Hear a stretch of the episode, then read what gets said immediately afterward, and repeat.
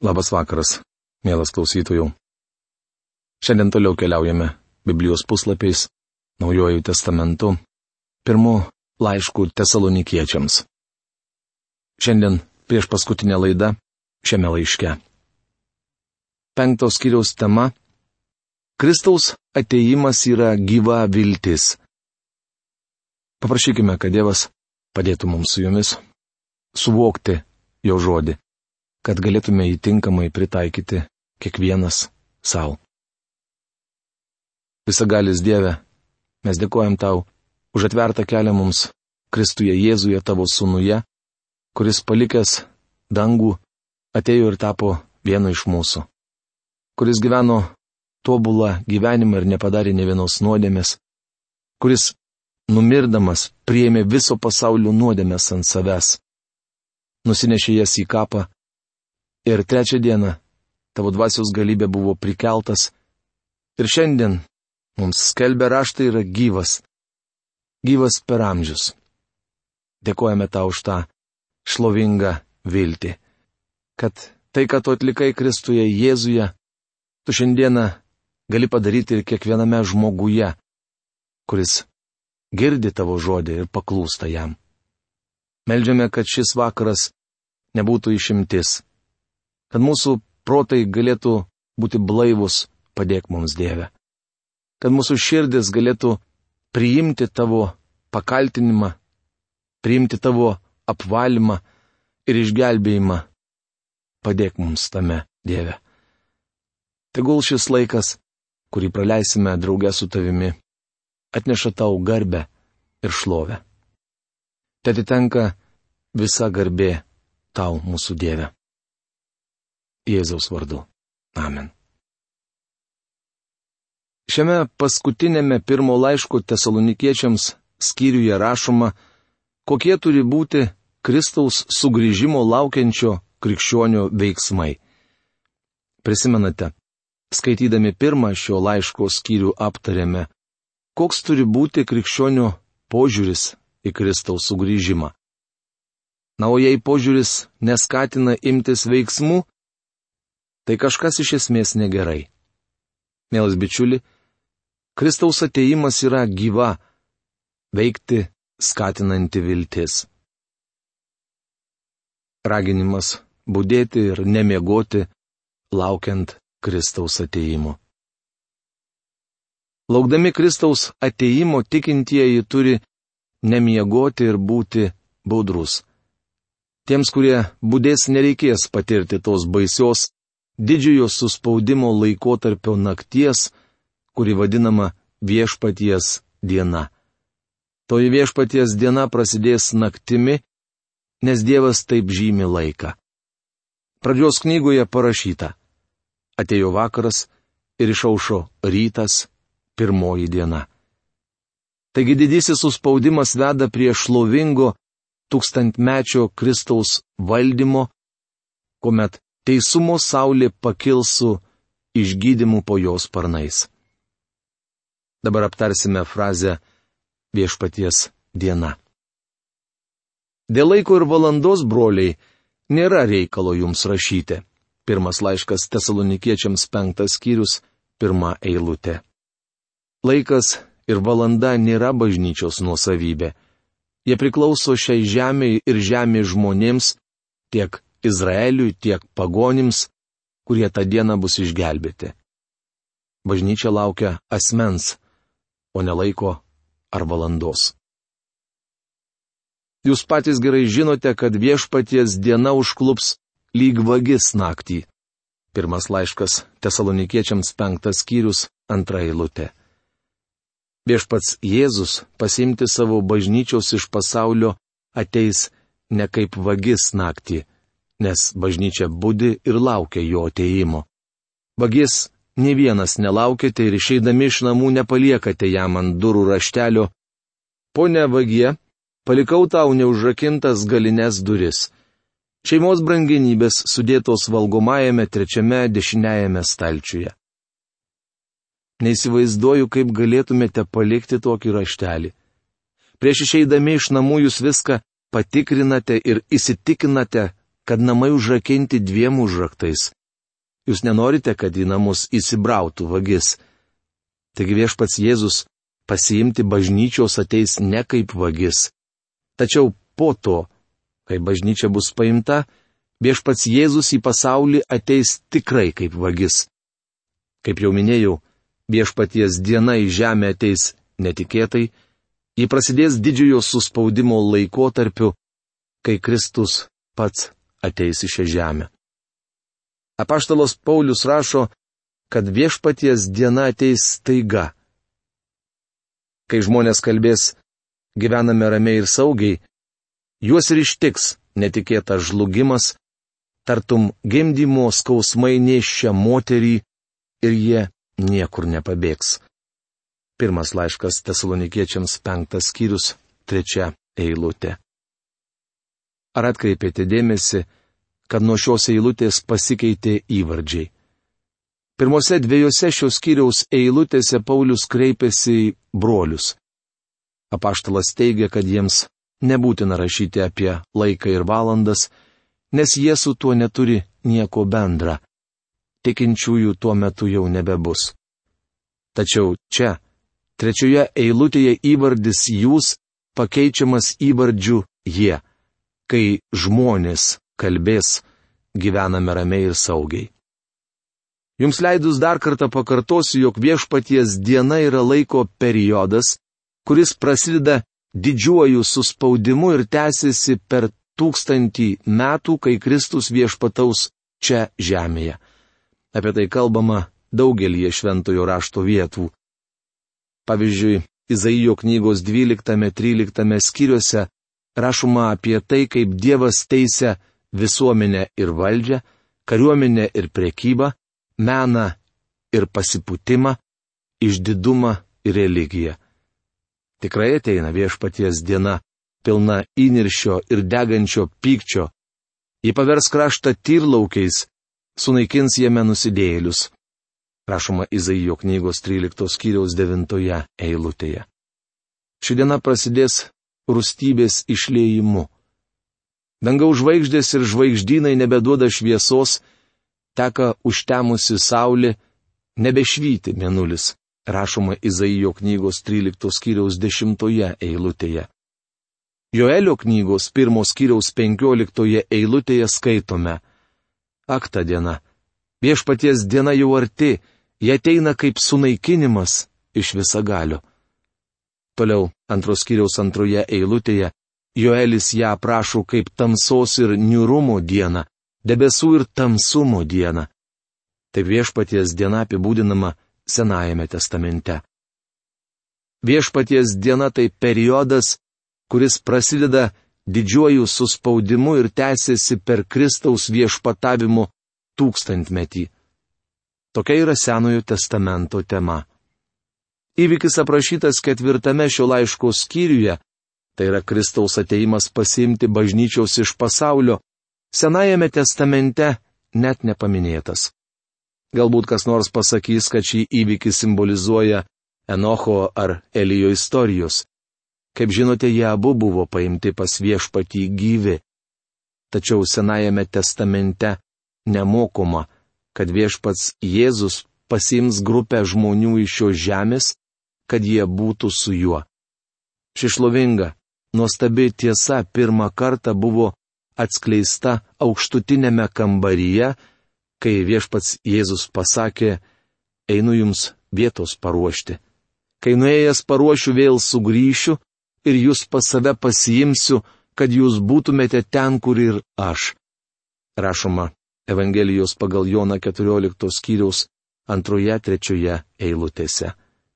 Kaip jau minėjau, pirmo laiško tesalonikiečiams ketvirtame skyriuje apaštalas Paulius apie tai rašo plačiau. Šio laiško penktame skyriuje Paulius rašo apie tai, kas Senojo testamento laikais buvo labai gerai žinoma. Kai žmonės kalbės, gyvename ramiai ir saugiai, juos ir ištiks netikėtas žlugimas. Pasauliui tai bus didelis surprizas, nes jis to nesitikė tikiu, jog didysis melas apie kurį skaitysime antro laiško tesalonikiečiams antrame skyriuje, yra taikos ir saugumo pažadas. Viešpats Jėzus įspėjo. Tegul niekas jūsų neapgauna. Pasaulis tikisi įžengti į didžiąją taikos erą, tūkstantmetę karalystę, tačiau jis pamatys, jog atsidūrė didžiajame suspaudime. Tuo metu įvyks didžiausias žmonijos istorijoje karas. Šie įvykiai pasaulį užklups staiga, tarsi vagis naktį. Bet jūs, broliai, neskendite tamsoje, kad toji diena jūs užkluptų lyg vagis. Juk jūs visi esate šviesos vaikai, dienos vaikai. Mes nepriklausome nakčiai nei tamsai. Pirmas laiškas tesalonikiečiams penktas skyrius, ketvirta, penkta eilutės. Bažnyčios paėmimas susijęs su dviem svarbiais įvykiais. Pirma, kai bažnyčia bus paimta, pasibaigs malonės laikotarpis, kuriame gyvename, taip pat žmonių kvietimas Kristaus vardu ir daugelis sunų bus atvesti į šlovę. Antra, bažnyčios paėmimas bus ne tik malonės laikotarpio pabaiga, bet ir viešpaties dienos pradžia. Kai bažnyčia bus paimta iš šios žemės, prasidės didysis suspaudimas. Apaštalas Paulius prašo. Bet jūs, broliai, neskendite tamsoje, kad toji diena jūs užkluptų lyg vagis. Tai reiškia, kad tuo metu mūsų čia jau nebebus.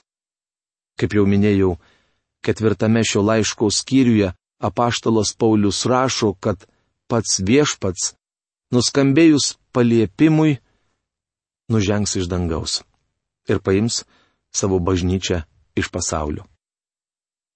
Juk jūs visi esate šviesos vaikai.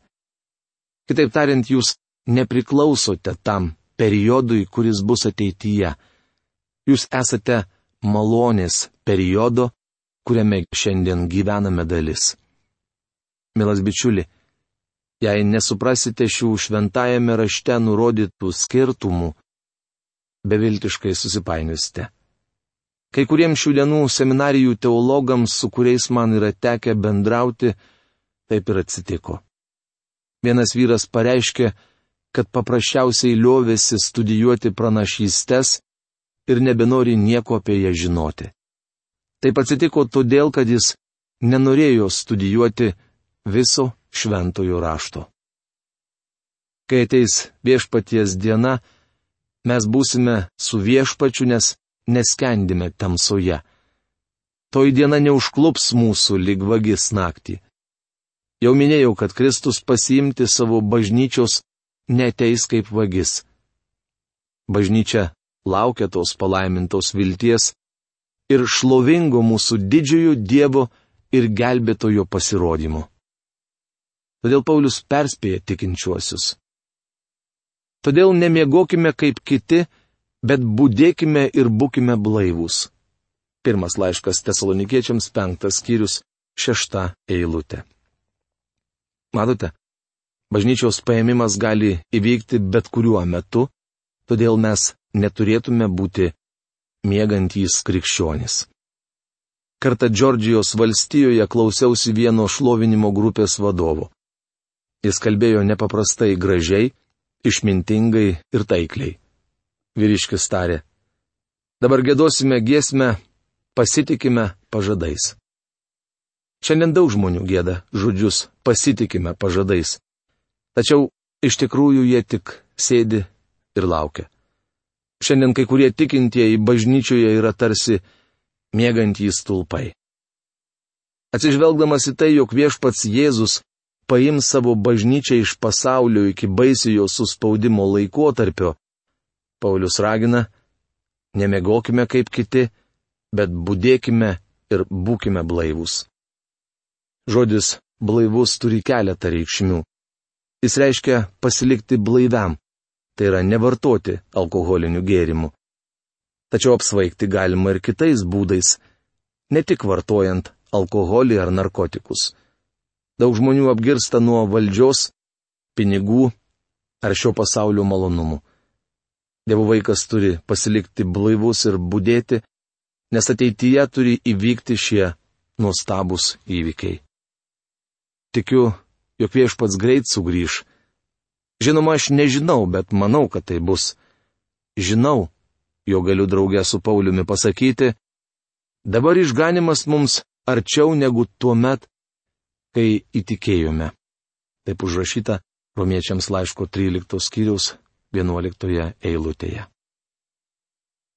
Mat kas miega, miega naktį ir kas pasigeria, pasigeria naktį.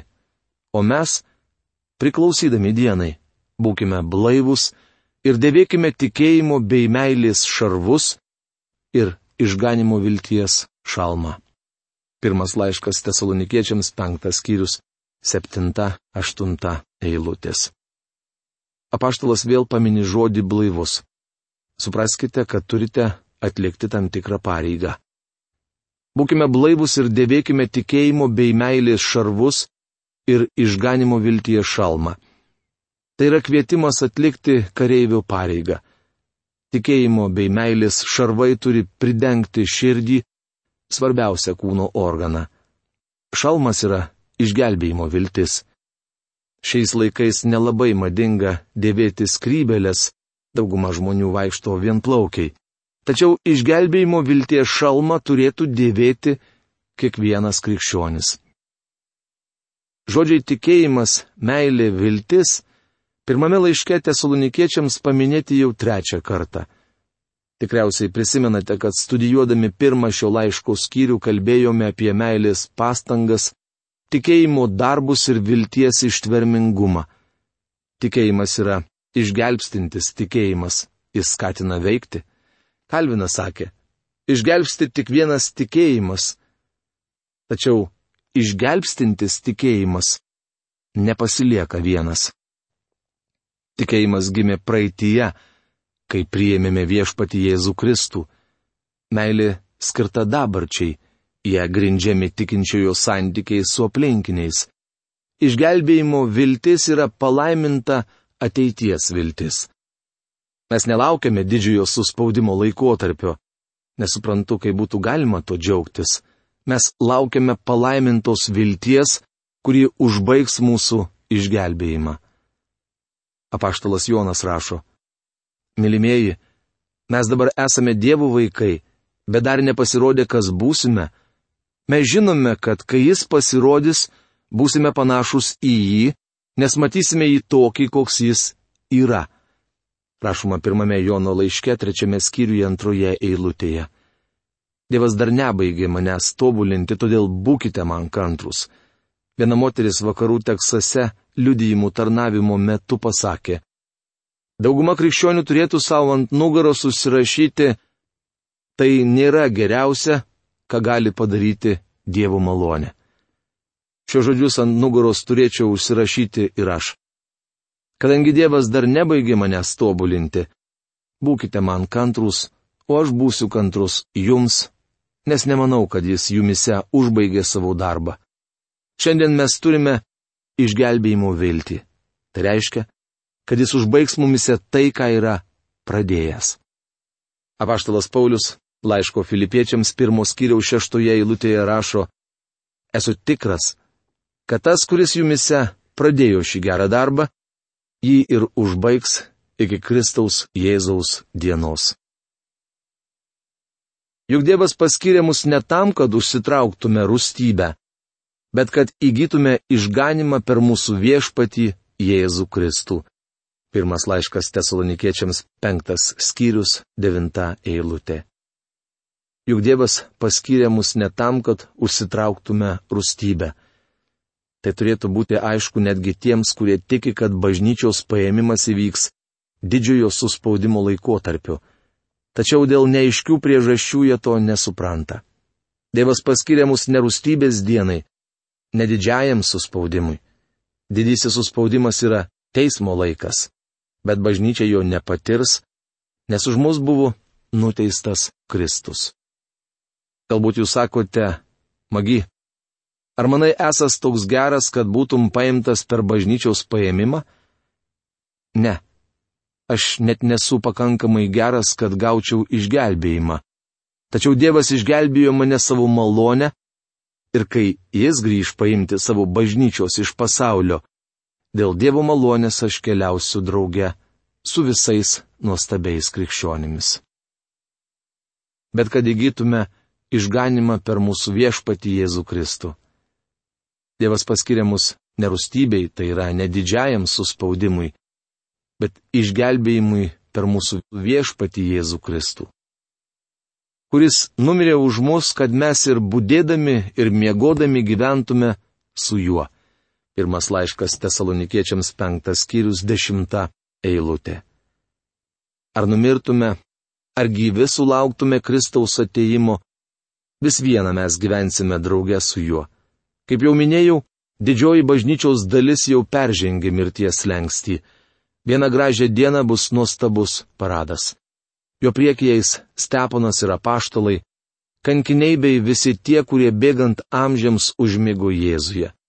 Paskui juos eis tie, kurie jo ateimo metu bus dar gyvi. Jei jūs ir aš vis dar būsime gyvųjų tarpe, mes užbaigsime gretas. Ačiū Dievui, kad iš jo malonės mes dalyvausime toje eisenoje. Norėčiau paklausti, ką jums reiškia šios nuostabios tiesos. Kitoje eilutėje skaitome, todėl guoskite vieni kitus. Mums tikintiesiems šie žodžiai yra didžiulė pagoda. Tačiau, mėlyji, apie tai mes kalbėsime kitoje mūsų laidoje. O šios dienos laidos laikas baigėsi. Iki malonaus susitikimo. Sudė.